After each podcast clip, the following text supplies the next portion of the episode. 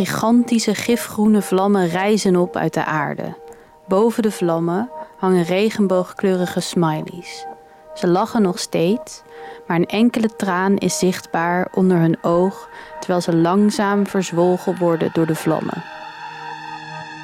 Dit is Kunstpunt, de podcast.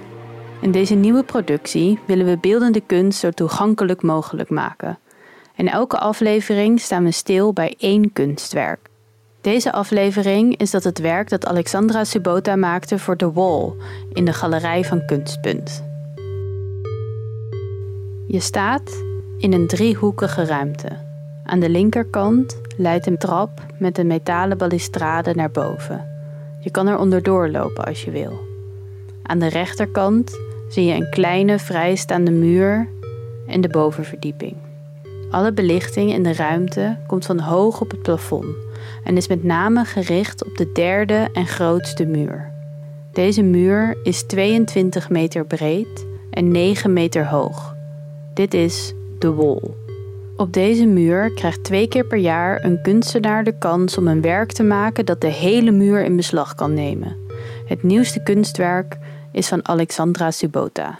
My name is uh, Alexandra Subota and I'm a visual artist. Mijn naam is Alexandra Subota. Ik ben een visueel kunstenaar en in 2021 studeerde ik af aan het Frank Moor Instituut in Groningen. Ik werk met veel verschillende materialen, fluff, glimmend materiaal en sterke kleuren, waardoor mijn werk erg tactiel en voelbaar overkomt. Ik werk voornamelijk driedimensionaal en experimenteer veel met installaties. The Wall is het grootste werk dat ik tot nu toe heb gemaakt. Yes, that was the largest work I did so far. Het grootste gedeelte van het kunstwerk bestaat uit gifgroene vlammen. Ze zien er cartoonistisch uit, als vlammen op speelgoedwagens of tribal tattoos uit de jaren 90. Ze hebben ook iets van de klauwen van krabben die naar de hemel reiken. Boven de vlammen zweven regenboogkleurige smileys. Ronde, glimmende vormen met gezichtjes gemaakt van nepdiamantjes. Een paar van die smileys worden al opgeslokt door de groene vlammen.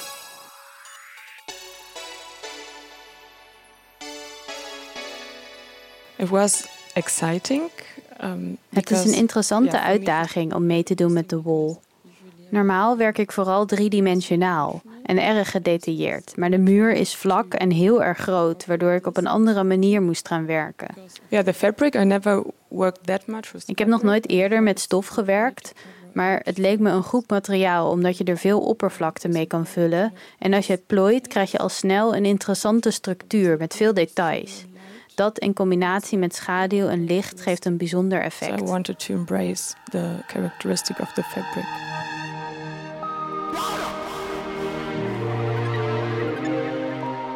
De kleinste vlam is ongeveer 2 meter hoog. En de grootste van 6 meter torent boven je uit als je eronder staat. Ze zijn bijna volledig groen met een paar knalroze details. De vlammen zijn gemaakt van groen satijn. Zeker 100 meter stof is in diepe plooien gedrapeerd. De glanzende stof, het kunstmatige licht en de diepe plooien creëren een dynamisch relief met dramatische schaduwen en vormen. Ik begin vaak met een idee of met materiaal en dan ga ik dingen uitproberen. Soms werkt iets niet en dan probeer ik iets anders. En soms word ik verrast door wat er gebeurt. Zo probeer ik te zoeken naar onverwachte dingen.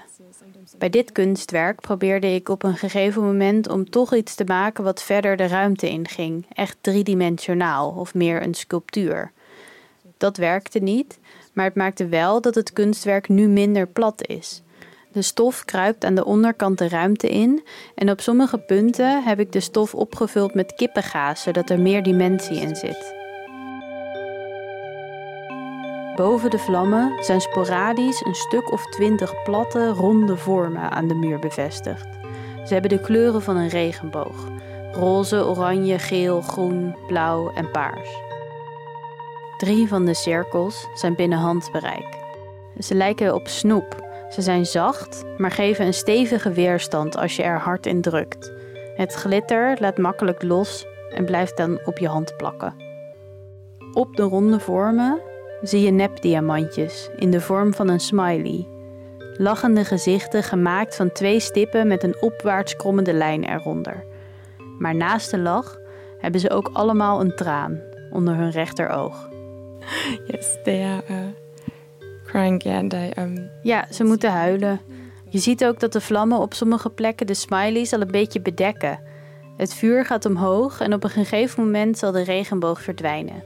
Daarom zijn de smileys verdrietig, maar ze kunnen er niks aan doen. Dus blijven ze ook lachen. they cannot do anything about it, so they keep smiling. Het werk verleidt je als toeschouwer door de vrolijke kleuren en de zachte stof. Maar er is ook een donkere toon aanwezig. Door de drapering, met het glans en het schaduwwerk blijft je oog over het werk dwalen. De vlammen zijn zowel speels als indrukwekkend. De smileys lachen en glitteren, maar altijd met een traan. Yeah, so for the wall project, um, I wanted to work with the interpretation of uh, Decaying Paradise. In dit werk wilde ik spelen met het idee van Decaying Paradise, het vervallende paradijs. Ik haal veel inspiratie uit het dagelijks leven. Ik kijk om me heen en absorbeer wat ik zie. We hebben allemaal verlangens en dingen die we willen bereiken, maar veel daarvan gaat verloren in de sleur van het dagelijks leven. De banaliteit zit in de weg. Ik zie veel teleurstelling in de zoektocht naar verlangens en dromen. Zeker op dit moment. Er is zoveel gaande in de wereld dat het paradijs en de ideale wereld ver weg lijken.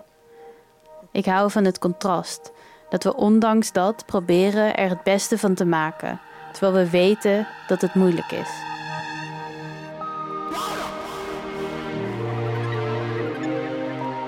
Het kunstwerk doet denken aan internetart en memes, zowel in de visuele beeldtaal, cartoonachtige vlammen en smileys, als de manier waarop het werk speelt met onschuld en ironie.